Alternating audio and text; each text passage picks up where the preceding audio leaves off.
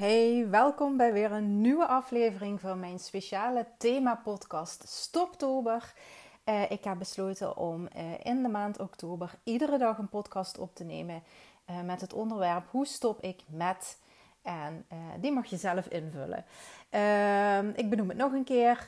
mocht je de eerdere podcast misschien niet gehoord hebben, ik heb al een aantal mooie onderwerpen binnengekregen, maar mocht je zelf toch nog graag één specifiek onderwerp heel graag terug horen in deze podcast, in deze themamaand, dan uh, stuur me gerust een berichtje of een mailtje. Uh, hè, uh, je kunt me vinden gewoon via eva.evalifecoaching.com of gewoon op Instagram of andere socials. vandaag ehm, gaan we het hebben over hoe stop je met dezelfde situaties aan te trekken.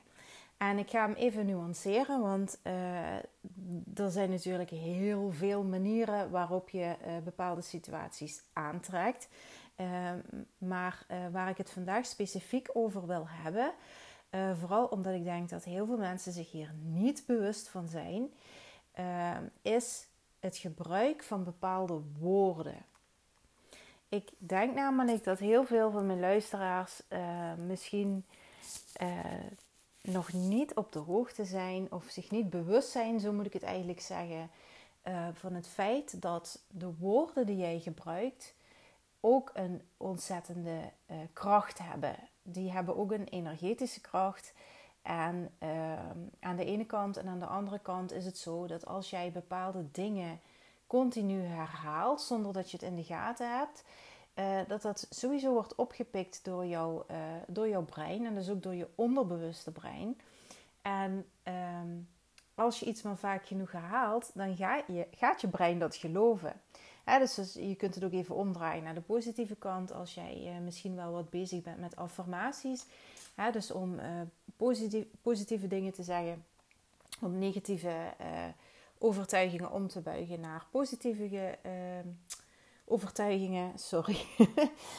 uh, dan uh, weet je ook uh, wat de kracht is van die affirmaties. En dat, dat dat eenmaal zo werkt. Dat als je iets heel vaak herhaalt, dat je dat op een gegeven moment als waarheid gaat aannemen. En alles wat jij gelooft, wordt jouw realiteit. Dat is sowieso een feit.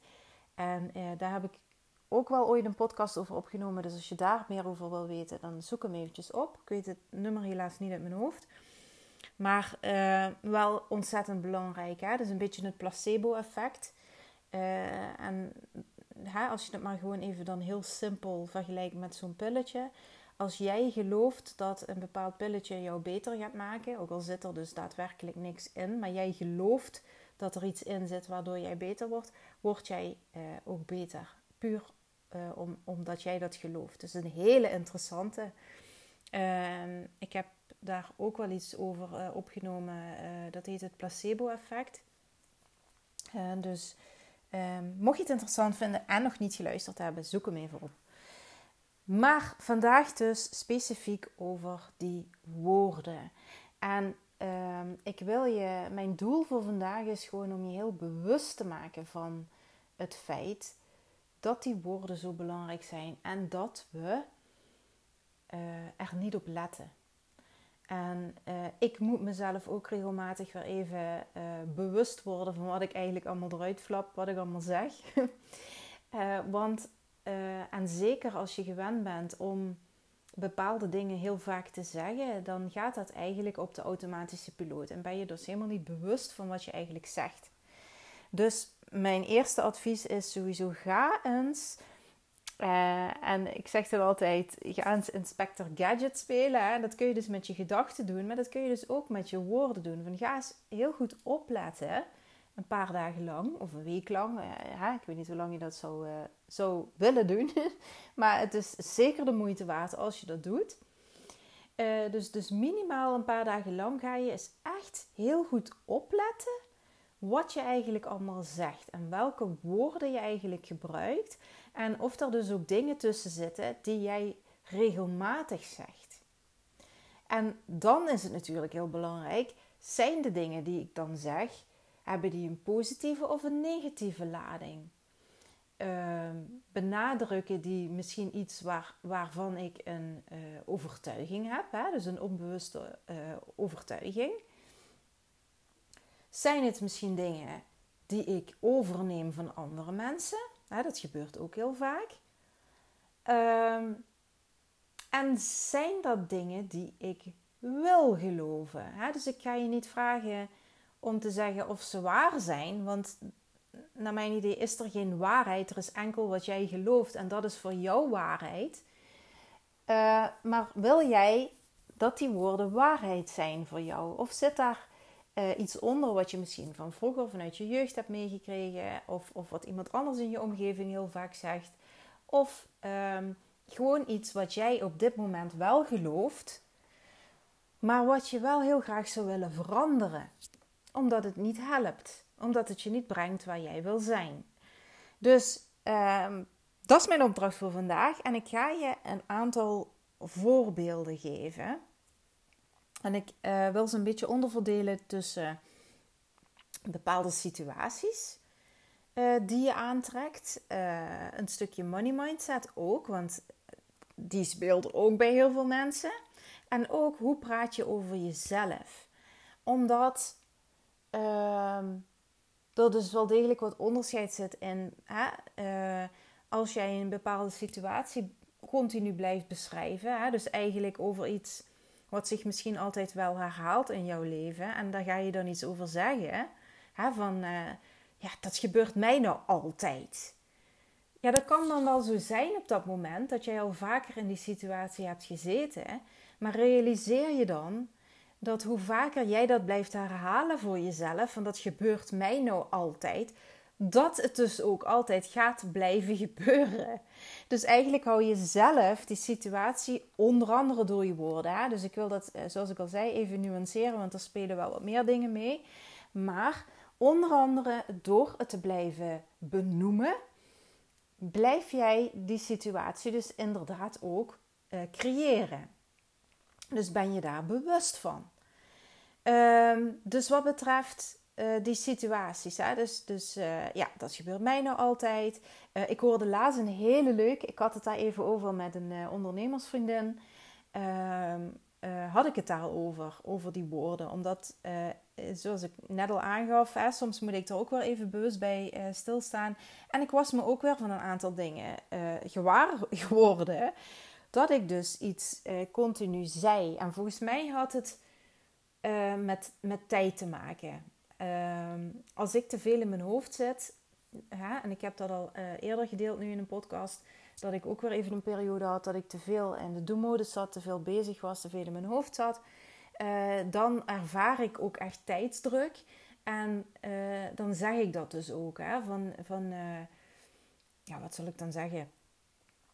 En de dag is alweer om. Of hè, een dag is toch niks. En ja, ik had van alles op mijn planning staan. Maar ik ben daar en daar maar aan toegekomen. Weet je wel, dat soort dingen. Dus ik werd me daar weer bewust van dat uh, ik dat heel vaak het zeggen was. En dus inderdaad voor mezelf uh, niet helpend bezig was om het te veranderen. En toen zij zei, toen hadden we het daar dus over. En zij zei inderdaad van, ja, en, en dat vind ik een hele goeie. Want zij heeft nog vrij jonge kinderen. Die van mij zijn al iets ouder. Maar jong, vooral jonge kinderen zijn perfecte spiegels. Hè? Die kunnen je heel goed spiegelen. Ik weet niet of je dat herkent. Maar die spiegelen echt uh, compleet jouw gedrag. En uh, is ook dus een tip als je nog jonge kinderen hebt. Uh, ga eens heel goed opletten wat zij, wat zij jou teruggeven en wat zij herhalen.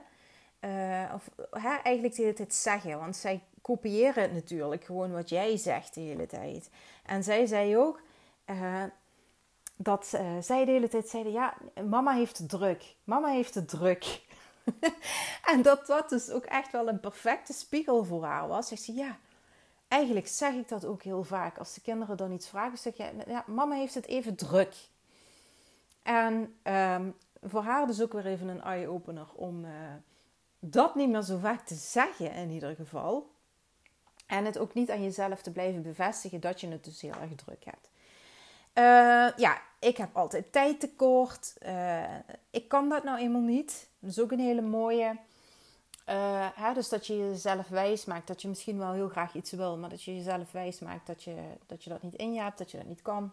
En ja, eigenlijk sluit je de hele boel af als je dat zegt natuurlijk. Hè? Als jij jezelf wijs maakt dat je iets gewoon niet kan, dan stel je je ook niet open voor mogelijkheden en uh, hou je de deur eigenlijk dicht voor, uh, voor groei. Um, nog eentje. Uh, ik trek altijd de verkeerde types aan. Ja, heel herkenbaar denk ik in relatieland. um, maar ben je bewust als jij dat blijft zeggen met je woorden, is dus ook een onderdeel dat je dat ook in stand houdt. En um, in dit geval is het natuurlijk heel belangrijk om te gaan onderzoeken bij jezelf waarom je de verkeerde types aantrekt. Want het ligt niet aan die andere mensen, hè? Dat, dat die andere mensen zomaar op je pad komen. Nee, jij trekt ze op de een of andere manier naar je toe. Jij trekt het aan. En dat kan echt heel diep gaan. En ik, ik zal er nu uh, niet al te zeer over uitweiden. Maar er kan een hele uh, diepliggende overtuiging onder zitten dat je niet goed genoeg bent of dat je het niet verdient. Um, en dat je dus onbewust jezelf op die manier saboteert. Um, ja, zo ben ik nu eenmaal niet en zo zal ik ook nooit worden. Ja, dat is een hele duidelijke. Hè? Uh, ja, op het, op het gebied van uh, uh, afvallen, diëten. Ja, dat hoor ik vrouwen zo vaak zeggen. En ik heb me er zelf ook wel schuldig aan gemaakt hoor. Maar om dan bijvoorbeeld te zeggen van... Oh, ik, ik, hoef, ik hoef alleen maar naar een gebakje te kijken en ik kom al aan. Of ik, heb, ik hoef er alleen maar naar, aan te ruiken en ik heb het al aan me plakken. Hè? Nog zo'n overtuiging dat je dus direct aankomt als je ja, eens een keer zondigt of zo. Ik word altijd ziek in de winter. Ehm, ja, dan blijf je dat dus ook in stand houden voor jezelf. En uh, nu wil ik het heel eventjes over money mindset hebben. Want ik denk dat heel veel mensen um, op een bepaalde manier en ook op een bepaalde negatieve manier over geld denken. Um, en dat komt denk ik ook wel soms voort uit misschien een beetje jaloezie als je heel eerlijk bent, hè, of hoe, hoe dat soort uitspraken eigenlijk, uh, die ik zo ga benoemen, tot stand zijn gekomen ooit. Het zijn voornamelijk ook spreekwoorden. Dat mensen toch een soort afgunst voelen als ze zien dat het iemand voor de wind gaat. Als, het zie, als ze zien dat uh, het iemand uh, heel gemakkelijk afgaat om veel geld te verdienen. En zij natuurlijk eigenlijk heel stiekem dat ook wel heel graag zouden willen. Maar niet weten hoe ze dat voor elkaar moeten krijgen. En daarom dus maar op die manier over geld gaan praten. En wat je dan eigenlijk bent aan doen, is eigenlijk voor je eigen ego het rechtvaardigen dat jij niet rijk bent. je ego wil graag gerustgesteld worden en uh, heeft ook de neiging om dus naar anderen uit te gaan halen, om jezelf wat beter te voelen. Dus is het natuurlijk veel makkelijker om jezelf wijs te maken dat geld iets uh, slechts is, bijvoorbeeld. Of dat rijke mensen geen fijne mensen zijn. Uh, om voor jezelf te rechtvaardigen dat jij niet rijk bent. Dus dat is misschien eentje om even goed over na te denken. We hebben uitspraken die heel vaak uh, worden gedaan over geld.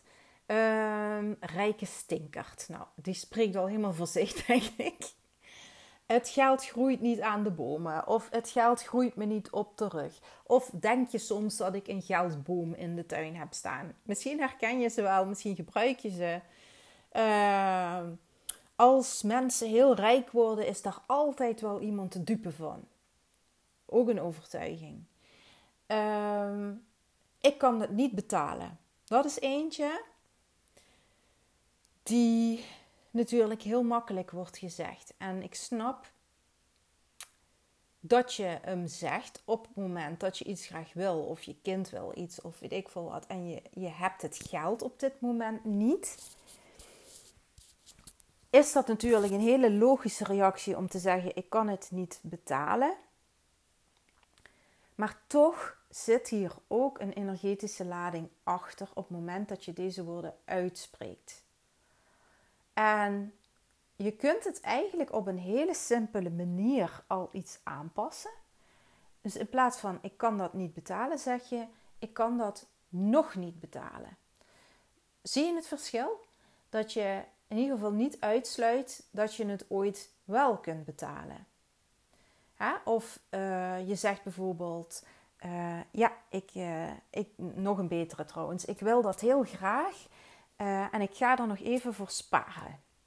Moeten zou ik weglaten, want moet is ook nooit een fijn woord. Hè? Want we zijn ook heel vaak geneigd om te zeggen: Ik moet ervoor gaan sparen of ik moet gaan werken. dus die neem ik ook eventjes mee. Probeer moet ook zoveel mogelijk te vermijden, want dat heeft ook echt een negatieve lading. En ik, ik snap echt, hè, ik ben ook niet van de, ik, ik zal ook niet gaan zeggen van, uh, toen ik nog een loondienst had, van ik, ik mag vandaag gaan werken. Dat, dat, dat klinkt ook echt niet, uh, ik snap je helemaal als je zo denkt van ja. Maar zeg dan gewoon simpel, ik ga vandaag werken of ik ga geld verdienen, weet ik veel. Hè? Dat is veel positiever als ik moet.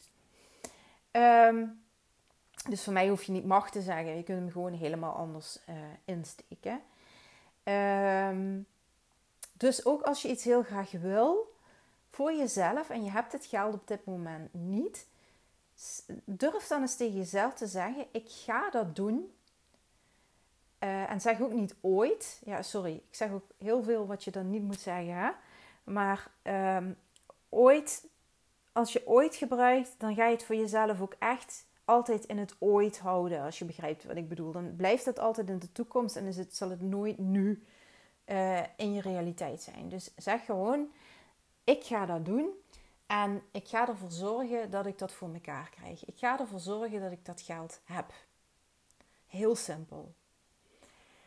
Uh, nog eentje, die luxe heb ik nu eenmaal niet. Ja, ik, ik denk aan, aan de hand van de uitleg uh, die ik hiervoor dus al heb gegeven, dat ook duidelijk is Ehm, dat je jezelf echt tekort doet op, op, op, dat moment als je zo'n uitspraak doet. En dan wil ik hem even afsluiten met uh, dat je ook eens uh, mag gaan letten op hoe je over jezelf praat. En ik vind het zelf ook een lastige, omdat ik hem herken. En um, omdat ik laatst ergens las in een boek en ik, ik ben er nog niet helemaal uit of ik, of ik het daar helemaal mee eens ben, maar ik ga hem je toch meegeven. Dat op het moment dat jij iets met een gekke slag zegt, hè, dus jezelf een beetje, ja, niet belachelijk maakt, maar je, jezelf al niet te, niet, niet te serieus nemen en een beetje lachend zo. Hè, dat, dat dat evengoed een, een uh, negatieve lading heeft en dus eigenlijk geen verschil maakt voor je brein. Ik, ik weet niet goed wat ik ervan moet vinden, maar ik heb ook zoiets van. Het is een kleine moeite, of een kleine moeite, nou ja, misschien niet een hele kleine moeite, maar ik wil het zeker uitproberen om het niet meer zo vaak te doen. En waar heb ik het dan over als hoe je over jezelf praat? Ik zeg bijvoorbeeld wel geregeld als ik, ik, ik kan nogal klunzig zijn. En als ik dan weer eens iets doe, dan, en, en dat bedoel ik dan echt niet, uh, hoe moet ik het zeggen? Heel uh, vervelend naar mezelf toe.